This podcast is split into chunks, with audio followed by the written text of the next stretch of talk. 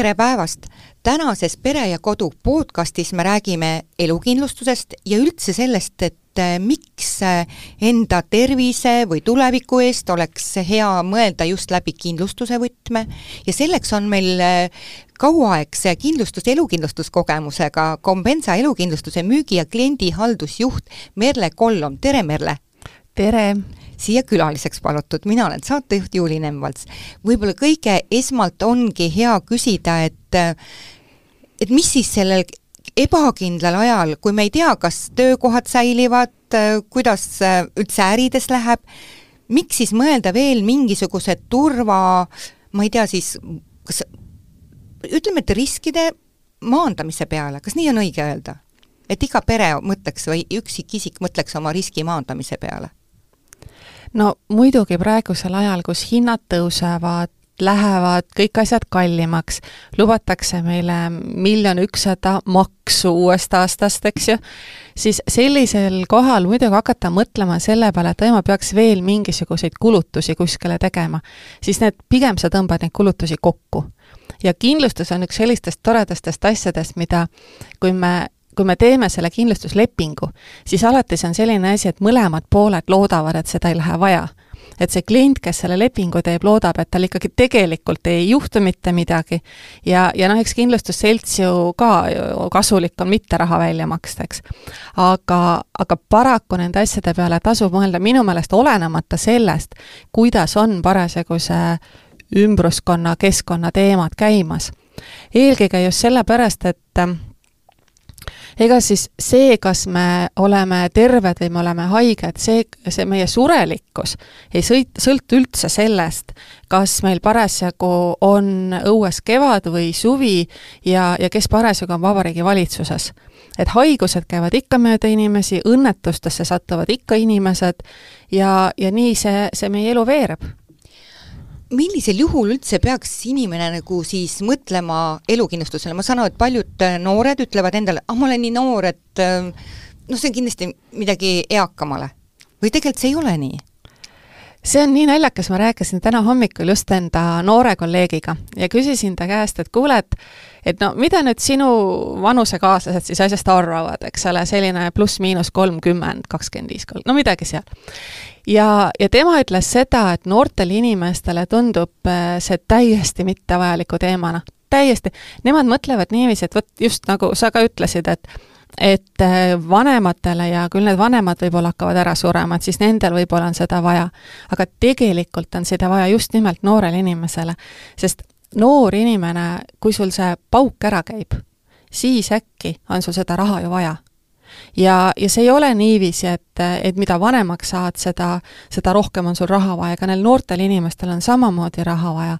minu meelest on noortel inimestel isegi rohkem vaja, sest nendel on terve elu veel ees ja sellest, mismoodi nemad ennast jalgadele tagasi saavad, kui kiiresti nad ennast jalgadele saavad, millist taastusravi nad saavad endale võimaldada, millist ravi üleüldse nad endale võimaldada saavad, kui kiiresti nad arsti juurde saavad minna, see kõik on ajakriitiline ja kui nendel on olemas see rahaline tagavara või ka siis kindlustuse võimalus, eks ju, siis ta ju saab rutem sinna arsti juurde, saab parema ravi, ta saab kiiremini jalgadele ja, ja ta saab kiiremini terveks ja ta saab oma tavalise eluga edasi minna Merle, aga kas sulle ei tundu, et tavatarbija jaoks on ikkagi kindlustusel sellised kuidagi see mõiste on hästi veniv.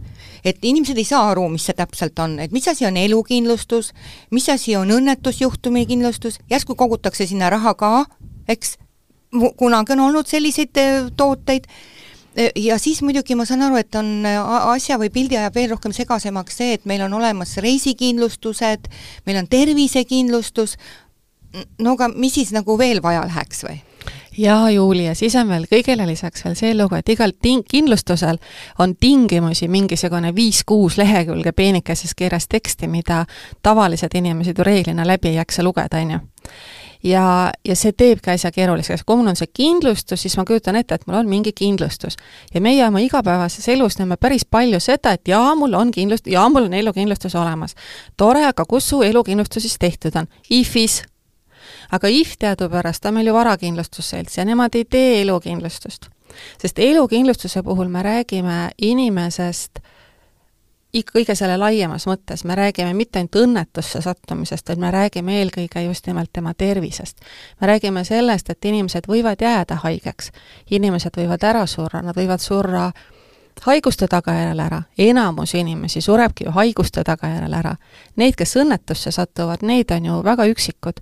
ja, ja kui me räägime sellistest äh, noh jah, nüüd juba kolmkümmend viis, nelikümmend pluss vanusegrupist, siis nende puhul ikkagi enamus üle seitsmekümne protsendi surmajuhtumitest on põhjustatud ikkagi haigustest. see nüüd on natukene siin naiste ja meeste vahel on öö, ähm, natukene niisugune nii ja naa, et meeste puhul on kõige levinum surmade põhjus südame-veresoonkonna haigused ja naiste puhul äh, igasugused onkoloogilised kasvajad ja, ja siis number kaks põhjus on siis vastupidi, meestel onkoloogia, naistel südame-veresoonkonna haigused aga, aga enamus jah, ikkagi need surmajuhtumitest, eelkõige noores eas juhtumid, nad on ikkagi haigustest tingitud. ja nüüd, kui me räägime nendest haigustest, siis siis tegelikult me ju ei räägi sellest, et, et oi, ma käisin täna hommikul arsti juures ja oi, ma sain endale sellise diagnoosi ja oi, mu mingisugune perspektiiv veel mingisugune kümme, kakskümmend aastat elada võib-olla ei ole väga hea. me ei pane seda enda sotsiaalmeediagruppi. me ju, meie ühiskondlik eeldus on selline, et me oleme ilusad, noored, saledad Tegu,, tegusad, tegusad, edukad sportlikud, iginoored. elame aktiivset elu. just, eks ju. ja, ja siis sel-, sinna ei sobi kuidagimoodi sisse see, et ma tegelikult olen natukene nagu haige või võib-olla ma käin ka mingisugust, saan mingit keemiaravi kuskil. või taastusravi ja näiteks, eks ju, ma ei pane suure kella külge seda, et mul on mingi organ välja lõigatud, eks ju, ma ei räägi sellest, ma olen täiesti kindel, et need inimesed, kes tänaval käivad ja kellel on, ma ei tea, sellel on mingi termin meditsiiniline ja ma seda igaks juhuks välja ei ütle, äkki keegi kuulab, kes nagu teab arstindusest rohkem kui mina, on ju, mingisugune need ähm, soolikad ja, ja kõik need igasugused asjad on ju toodud mingite kottidega ju kõhust välja, eks ju need inimesed ei käi ju niiviisi silt lauba peal, mul on, mul on kogu see, see, see see pool füsioloogiast on kilekottidega kuskil siin keha ümber. aga, aga tegelikult sellised inimesed on ju olemas. et me noh, ja, ja see on see, et sellest me ei räägi ja tänase GDPR-i andmekaitse raamades me ka, ma, ma ei tohi ka küsida ja, ja seda ei peeta ka heaks tooniks. ja, ja nii, nagu ma ütlesin ka, et, et me tahame ennast positsioneerida kui tervete, tugevate, noorte, edukate, rõõmsatena. ma tahan mõelda sellest, kuidas ma äh, ma lähen reisile, kuidas ma luban endale mõnusa õhtusöögi, kuidas ma olen oma perega, kuidas ma näen oma lapsi, lapsi suureks kasvamas, kuidas ma näen lapselapsi. ma ei, ma ei positsioneeri ennast mitte kuidagi sellega, et et peale seda toredat suusareisi võin ma pärast olla ratastoolis. ja ma ei mõtle ka selle peale, et, et võib olla mingisugune juhuslik arstikülastus võib kaasa tuua selle, et ma edaspidi tegelen äh, vähiraviga, eks ju. jaa, ja võib-olla Merle on hea üldse üle öelda või, või arutada ka selle üle, et et millisel juhul nagu inimene peaks mõtlema oma elu kindlustamisele. et see ei ole ka ainult ju see, et ta, et kui ma elan üksinda, et ma vaatan, et ma tulen endaga toime, või see mõte näiteks see, et kui ta on perele oluline sissetuleku tooja vaata, minu jaoks on siin kaks äh, erinevat suunda mm. -hmm. üks suund on see, et ma mõtlen oma lähedastele, et juhul, kui mina, ma ju täna käin tööl ja ma teenin täna palka ja minu sissetulek on täna minu perele väga oluline asi, see minu sissetulek ei kulu mul ainult enda peale. ma maksan kommunaale, käin poes, ostan leiba, ostan süüa, lastel on huviringid, noh, midagi veel, eks ole, aeg-ajalt käime väljas. et, et üks asi on see, mis minu sissetulek teeb pere jaoks head. ja nüüd, kui minu sissetulek kukub ära, siis sellisel juhul perele tekitavad, tekitab see kohe majandusliku sellise augu sisse. ja, ja see on selline, me peaksime mõtlema oma lähedaste jaoks, et kui ma olen üksik inimene, mul ei ole lähedasi, noh nagu sa tõid näite, eks ole, väga, väga õigesti, ja ega tänapäeval on päris okei okay juba üksinda olla, on ju, ja ja ei pea ju sul kindlasti olema peret ja, ja mingit ühiskonnas ette kirjutatud arvu lapsi. et siis sellisel juhul teine asi on see, et ma, ma pean mõtlema iseenda peale. ehk juhul... näiteks, kui mul on laenud, kui mul on mingid kohustused, majanduslikud ütleme, sellised, äh, kuidas siis tasuda? Juuli, ma võin võtta veel grammi tagasi. kui sa tahad süüa iga päev, sul on selle jaoks raha vaja. sa pead selleks, et osta poest oma igapäevane leib ja piim, sul on selle jaoks raha vaja. selleks, et maksta need kommunaalarved, sul on selle jaoks ka raha vaja aga kui sa oled töövõimetu, kui see haigus on sinult võtnud sinu töövõime ja sinu võime sissetulekut teenida, siis sellisel juhul sul tekivad kohe probleemid, millest sa maksad neid oma arveid iga päev. ja ma siin räägin ikkagi mitte ainult sellest, et võib juhtuda õnnetusjuhtum, jah, tõesti võib juhtuda õnnetusjuhtum ja ja ma olen kuidagimoodi kipsis või, või, või, või jah, aga, aga võib-olla ma saan mingi sellise diagnoosi, et ma ei ole võime, kaotan oma töövõime nii et ma saan aru, et tegelikult siis see elukindlustus on nagu, võiks olla selline basic, et millest me üldse kui me oleme ühiskonnas täieõiguslikud või väärtuslikud liikmed, me panustame, me teeme oma toimetusi, et tegelikult on meie taskus olemas elukindlustus? ma arvan küll, sest kas või, kas või selline pisikene asi on see, et äh, isegi kui meil ei ole lähedasi, kes, kes satuvad majanduslikesse, võivad sattuda majanduslikesse probleemidesse, kui meid, meid enam ei ole, me tekitame oma surmaga enda lähedastele probleemi sellepärast, et meid on vaja maha matta jaa, ja see ei ole muide üldse harv juhus, kus ma olen lugenud Facebooki vahendusel, sotsiaalmeedia kaudu kuulutatakse, kas, kas saadakse nagu toetada seda matuse mm, jah, näiteks ja., eks ju. see on ikkagi, ja see tuleb kõpsti. Ja see ei ole niiviisi, et sa saad nagu pikalt mingit raha koguda, iga kuu paned kümme eurot. et see tuleb, see on päris ootamatu, eriti nende noorte inimeste puhul ja, ja sellisel juhul noh, kust need lähedased siis selle matuserahat siis saavad, eks ju? aga mida siis üldse nagu, kui ma olen valmis, teadlik, et et nii nagu ma muretsen endal autole talverehvid, suverehvid, on mul olemas ka elukindlustus, aga kui ma nüüd tahan seda sõlmida, et mida ma pean siis teadma või millega arvestama? no üks asi, mis, mida ma igapäevases elus olen kohanud, on see, et vaadatakse seda kuumakse suurust ja no see on väga oluline. jaa, on oluline, aga, aga mis, Julia, on olulisem? kas oluline on see, eh, kui palju sa kindlustusele raha maksad või see, kui palju kindlustus sulle raha maksab? No ma arvan, et ikka see viimane. Miks ma siis üldse seda kindlustust no, täpselt, täpselt, ma arvan ka, et inimesed ei tee kindlustust mitte selleks, et nendele valmistab tohutut rõõmu maksta kindlustusmaksed igakuiselt, vaid nad teevad ikkagi sellepärast, et juhul, kui juhtub see asi, mille vastu nad kindlustavad, siis sellisel juhul nad äh, saavad kindlustusest piisava summa.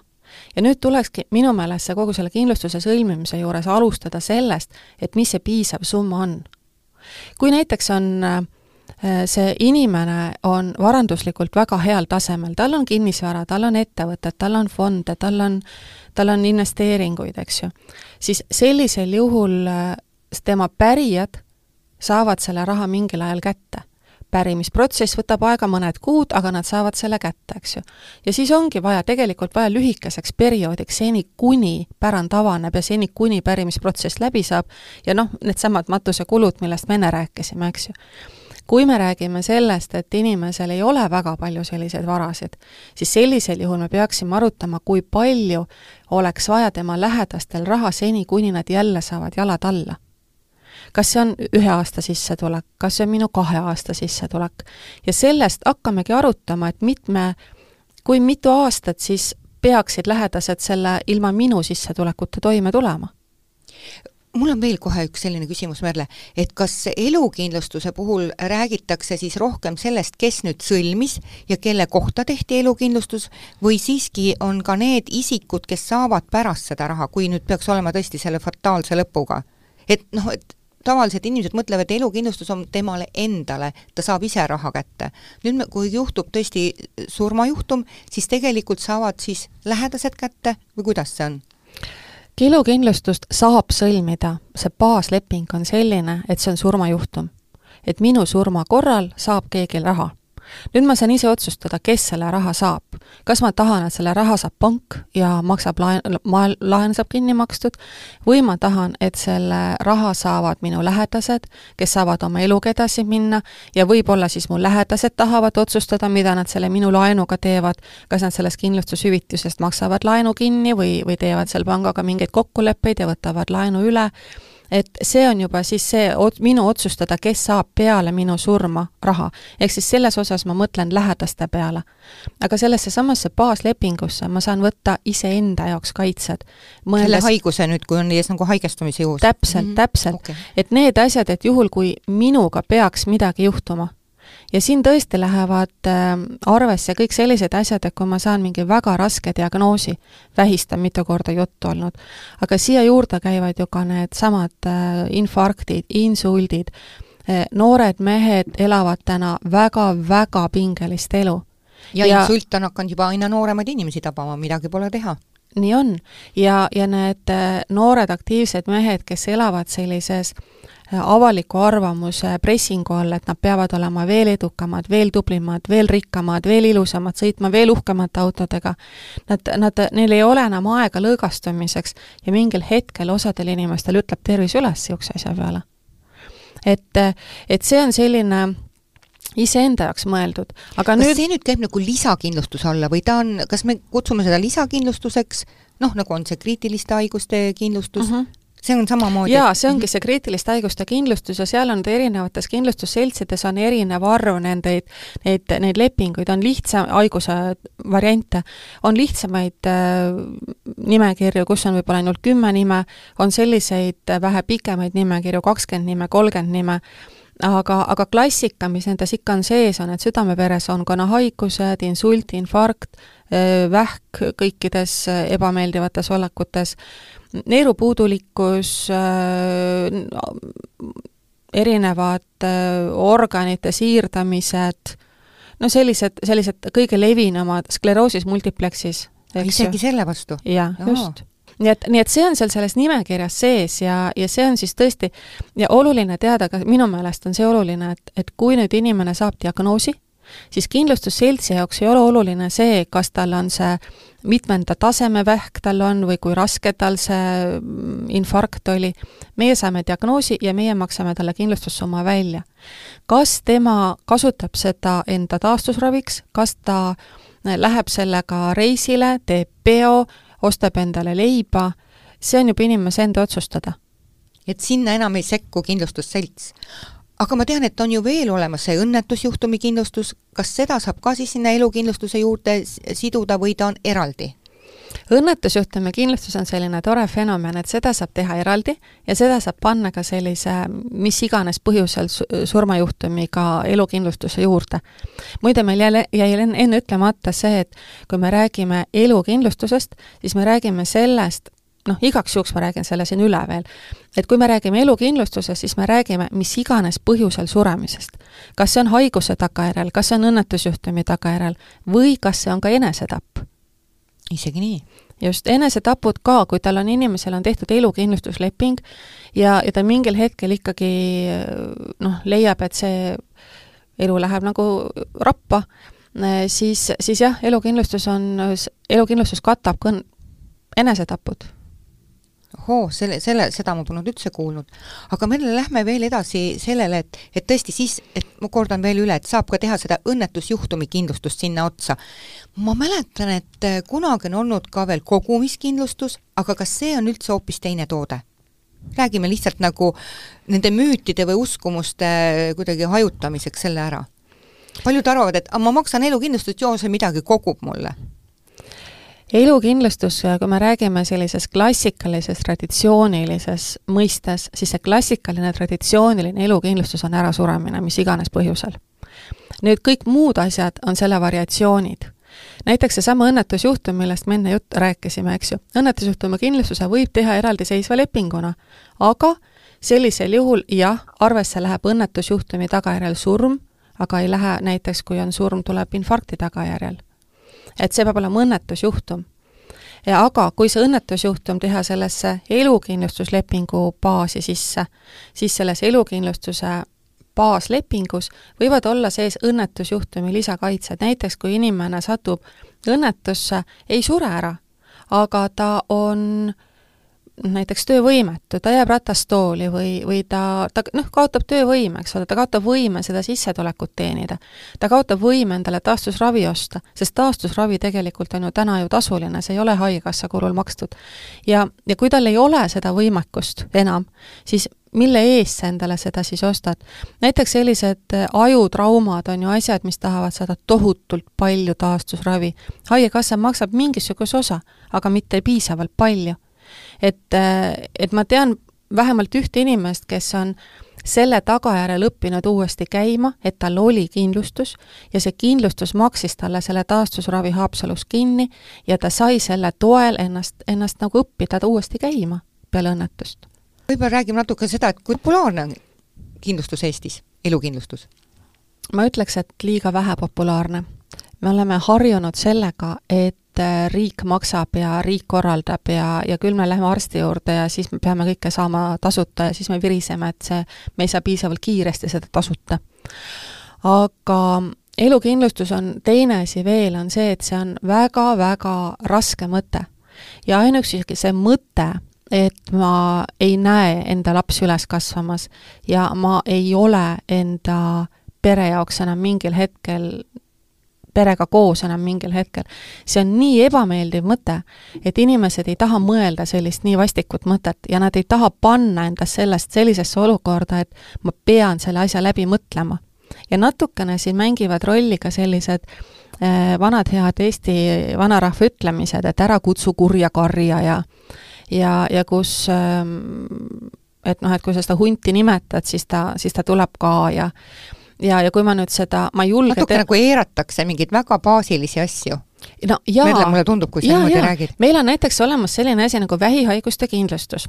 ja põhiline põhjus, miks inimesed seda ei tee, on see, et nad ei julge endale teha kindlustust, sellepärast et kui ma teen kindlustuse, siis ma äkki kutsun endale sellega selle haiguse peale. oh öeldus, milline põhjendus? Aga, aga, aga see ei ole üldse välja mõeldud põhjendus, see on täiesti meie igapäevane teema no,. ma mõt-, imestangi seda, kuidas inimeste mõttekonstrukt on niisugune mm -hmm.. kusjuures muide, Merle, ma hakkasin mõtlema, et kui sa just räägid, et Eestis tehakse vähe elukindlustust, siis kui me vaatame, noh, Euroopas on ju ta tegelikult, vanas Euroopas, heas Euroopas mm -hmm. on ta ju väga populaarne või väga noh, levinud, see on nagu enesestmõistetav. inimesi ei tule väga veenda et inimene teeb endale elukindlustuse, see on see on nagu vastutustundliku elu üks osa ja see ongi ja, ja ma usun seda, et me oleme näinud neid Hollywoodi filme rohkem kui ühte, kus on see, et oi, mul ei ole elukindlustust või mul ei ole piisavat kindlustust ja selle tagajärjel minu elu kvaliteet on kuidagimoodi kehvem. lihtsalt see on meie väga mõnus ühiskond, see on see, et me, meil on siin Eestis tegelikult ükskõik kui kui väga me viriseme, et tegelikult meil on siin väga hea sotsiaalabisüsteem ja, ja tegelikult me oleme siin väga hoitud. Ja sellepärast mulle tundub, et kuidagimoodi nagu leitakse, et küll need asjad peab keegi teine väljaspool meid ära lahendama. Kui, aga kui palju maksab üldse siis see elukindlustus, et äh, ma saan aru, Merle, et sa rääkisid seda, et ennem inimene peab mõtlema, et kui, mis on need võib-olla see summa, mida ta vajaks siis, et kas see oleks võib-olla seal ühe aasta eh, sissetulek, aga võib-olla hoopis rohkem, siis ma hakkasin kohe mõtlema, et püha taevas, see võib ikka päris suur summa olla, aga mm, palju siis see makse on või, või sellest sõltuvalt või kas noored maksavad vähem ja vanemad nagu rohkem või kas see on ka mingi alus selleks, et kui palju mul on juba kroonilisi haigusi? Ma ei tea. vot see nüüd on, ähm, meil on selline klassika, mida ma arvan, et kõik, kes on seda elukindlustusega kuskilt mingit reklaami näinud, on võib-olla näinud ka seda juttu, et äh, tee noorena, siis on odavam ja, ja ma arvan, et vot seesama noor kolleeg täna ütles mulle ka, et temale tundub see ikkagi sellise elukindlustusseltside niisuguse müügipromona. aga tegelikult on siin taga väga, väga lihtne matemaatika. et et äh, me vaatame kindlustuse hinda, mõjutab see tõenäosus. Äh, kas ma sat-, kas ma suren või ma ei sure. selge on see, et mida noorem on inimene, seda vähem on neid kõikvõimalikke väljakujunenud haigusi ja selle selle tagajärjel siis ka see tõenäosus on väiksem. nüüd inimene, kes on seal viiskümmend pluss, tal on juba võib-olla üht-teist juba, juba kogunenud, eks ju. ja hakkab vererõhk võib-olla tõusma või just nimelt ja kolesterool ja, ja kes teab, võib-olla ei ole ei ole piisavalt palju sporti tehtud ja meie see istumishaigus on meil ju kõigil peal, on ju ja, ja selle tagajärjel, no või noh, hepatiidi erinevad variandid on ka suht levinud tänapäeval, et et sa ei tea seda. ja, ja selle tagajärjel siis vanusega kasvades hakkab automaatselt kohe ka see kindlustuse makse kasvama. aga kui nüüd on kolmekümneaastane terve inimene, teeb endale lepingu ja neljakümneaastane terve inimene teeb endale lepingu, siis siis jah, nende kuumaksed on erinevad, sest üks on kolmkümmend, teine on nelikümmend. aga kui nüüd see kolmekümnene oma lepinguga jõuab ka sinna neljakümneseks, on ikka jätkuvalt terve, siis ta maksab sama palju kui see, kes alustas neljakümneselt. et siin on nagu see, see, see point on asjal selles, et kui inimene peaks äkki saama endale mingisuguse diagnoosi, siis juhul, kui tal on see leping juba olemas, siis sellisel juhul seda kindlustusmakset enam tõsta ei tohi oh,. aga kui ta saab selle diagnoosi, kõigepealt saab diagnoosi ja siis tuleb äh, kindlustusseltsi, siis sellisel juhul see makse läheb kohe kallimaks. või võib juhtuda ka selline asi, et kui see, see diagnoos tuleb nii, et ta tuleb kindlustusseltsi onko-, onkoloogi kabinetist, siis võib-olla see kindlustusselts ütleb, et me sinuga enam üldse lepingut ei tee ja vaat seetõttu, et meil võib ajas olla mingisuguseid haigusi, meil võivad tekkida mingisugused probleemid, meil võivad tekkida mingid kroonilised probleemid, siis need on need, mis teevad kindlustusmakse kõrgemaks. ja selle tõttu on mõistlik teha leping noorena ja võimalikult pikaks ajaks. sest kui need haigused vahepeal juurde tulevad, siis see makse enam pärast seda ei tohi muutuda, see makse on juba fikseeritud. kas äh, nüüd, kui ma tahan seda elukindlustust sõlmida, kas ma pean minema ennem tegema täisuuringu, terviseuuringu, te tahate saada mingit nagu terviseauditit või ja siis, kui mu, minuga on sõlmitud see leping, kas siis ma peaksin üle aasta või viie, iga viie aasta tagant tooma uuesti selle raporti, kuidas te, kuidas kindlustusselts tahab olla kursis minu tervisega? Ehm, meie tahame olla kursis sinu tervisega sel hetkel, kui sa tuled meie juurde lepingut sõlmima sest meie vaatame neid samu riske, millest ma enne rääkisin, sel hetkel, kui seda lepingut tehakse. jah, meil on ankeedid, need ankeedid sõltuvad sellest, kui suurt kindlustussummat sa soovid, kui on väiksem kindlustussumma, siis on see ankeet lihtsam, kui on suurem kindlustussumma, on ankeet põhjalikum, eks ju. ja seal ankeedis on lihtsad küsimused, et kas sul on südamega probleeme olnud, kas sul on, ma ei tea, kopsudega probleeme olnud, vastad igale poole ei, ei, ei, kõik on nagu, nagu lihtne. aga see muidugi peab aus vastus olema, eks ju. sest kui nüüd juhtub äh, juhtum, siis mida teeb kindlustusselts, me võtame välja selge, inimesel on selline diagnoos või ta suri selle, sellisel põhjusel, nüüd me vaatame, millal leping sõlmiti, võtame välja need haiguslood ja vaatame, millal talle see, see diagnoos pandi. kui see diagnoos pandi talle pä-, või see, mis, mis viis sinna mm -hmm. fataalse lõpuni, kui ta nüüd, see diagnoos pandi peale lepingu sõlmimist, siis see ongi ju see, mille vastu tehakse elukindlustuslepinguid. Ja, ja sellisel juhul me maksame selle raha ruttu välja ja, ja jälle üks, muide üks müütidest on ju see, et kindlustusselts ei maksa kunagi raha välja. maksame küll välja. ja me maksame ruttu selle raha välja. me maksame, kui need paberid on korras, siis me jõuame selle summa nii kiiresti ära maksta, et sellest kindlustushüvitisest on võimalik matusekulud ära maksta ah, isegi nii kiiresti? et me, meie huvides on maksta hästi kiiresti raha välja, me ei saa seda raha panna endale võtta kuidagimoodi. ja ja veel see pool ka, et, et meedias ju tegelikult ju ei räägita sellest, et oi, näed, kui tore, nii tore kindlustusselts, ma sain sealt nii mõnusa summa praegu. see ei ole tavapärane, see on ju normaalne, aga räägitakse sellest, kui kindlustusselts mingil põhjusel ei maksa. aga me ei maksa sellisel juhul, kui ta tuli sealt onkoloogi juurest meie juurde, tegi kindlustuslepingu, ütles, et ei, ei, tal pole nagu vähiga pole tal küll mingit pistmist. ja, ja siis ikkagi tuleb välja, et ta, et oli ja, ja ta sureb ikkagi selle vähi tagajärjel. ja siis selgub, et tal oli diagnoos enne seda, kui ta tegi lepingu. ja vot sellisel juhul me hakkame seal, ei taha neid makseid välja, kindlustushüvitisi välja maksta. nii et kõigile kuulajatele siin südamele panna, et tehke elukindlustus siis, kui tervisega on kõik korras, kui on hea elu käib. täpselt ja, ja see kuna me ei tea, kuna me selle diagnoosi saame ja tegelikult öeldakse, et kõige ohtlikum asi on see hommikul ju kodust välja minemine ja ja elu on üldse pagan ohtlik asi. et, et kui nüüd äkki peaks mingisugune asi juhtuma, me ju ei tea, millal see juhtub. nii et kui ma nüüd lähen selle sinu üleskutse juurde, siis ma ütleksin, et head kuulajad, minge palun nüüd kõik kohe endale elukindlustuslepinguid sõlmima, sellepärast et ei tea, mis juhtub teiega täna õhtul või mis juhtub teiega homme jaa, kui vanalt üldse on võimalik seda elukindlustust teha? mm,? no või van... täisealised inimesed võivad seda tegema hakata. aga ja... siin ikkagi ma soovitaks mõelda seda, et äh, kindlustust ikkagi on vaja sel hetkel või, või selle jaoks, mille jaoks seda on vaja. et ma kõigepealt peaks läbi mõtlema selle, et, et kas mul on seda vaja. kui see kui, kui minust ei ole rahaliselt sõltuvaid inimesi, siis sellisel juhul tõesti on seda vaja võib-olla ainult matusekuludeks. kui mi-, kohe, kui tekivad mul rahalised äh, kohustused, raha, pere, mm, võib olla ka selline asi, et praegu räägitakse ju palju hooldekodudest, eks ju.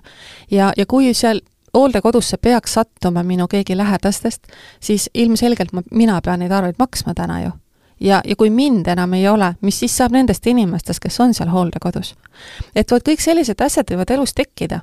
ja kui me nüüd tagasi ketrame sinna juurde, et noorena on makse odavam, sest see tõenäosus on väiksem, on ju, ja makse on odavam, tervis on parem, siis sealt tulebki, et tulebki noorena see leping ära teha võimalikult pika perioodi peale, võimalikult suure summa peale ja kui ta tulevikus enam ei ole vajalik, siis selle saab ju nipsust ära lõpetada ja mitte midagi ei juhtu maailmas, kui ma ütlen kindlustusseltsile, kuule, ma enam ei taha seda lepingut.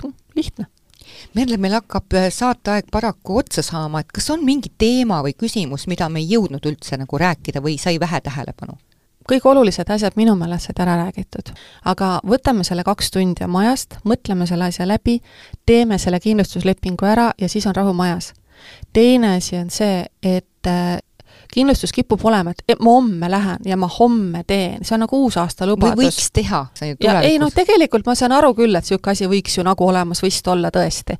et tegelikult tuleb tõesti võtta, teha ja ära teha, tänapäeval see on väga mugavaks tehtud, kindlustusseltsi koduleheküljel üks klõks ja, ja ongi asi korras kindlust pärast seda võtab kindlustusseltsi esindaja juba ise sinuga ühendust ja ja ajab kõik asjad korda. ja, ja üks asi veel on see, et mida ma ikkagi arvan, et peaks nagu rõhutama, on see, et et kui me läheme sinna tanklasse ja ostame selle kohvi, mis maksab tänapäeval vist juba noh, päris mitu eurot, kui me läheme õhtul välja ja teeme endale ühe, ühe koksi, mis, ostame ühe kokteili kümme pluss eurot, eks ole, siis see tundub kuidagi nii mõnna, on ju. Mhm. et, et kas ja keegi ei imesta selle üle, et kas ta järsku ikkagi oleks, oleks nagu kallis? jah aga, aga kui ma nüüd teen endale selle kindlustuslepingu, siis tundub, et oi, see kulu on nüüd natukene liiga palju. et natukene peaks võib-olla mõtlema seda fookust ümber seadma selle makse pealt selle peale, et juhul, kui need riskid või see, see häda peaks tõesti minu peale kukkuma, siis sellisel juhul mul on kuskilt raha, mille pealt edasi saada, elada. et ega me kindlustus ei saa kuidagimoodi seda juhtumit ära hoida ja me ei saa mitte kuidagimoodi leevendada kogu seda emotsionaalset õudust, mis juhtub, kui kui keegi lähedastest sureb või kui keegi lähedastest saab või, või ma ise saan mingisuguse erakordselt vastiku diagnoosi või juhtub mingi väga-väga raske õnnetus.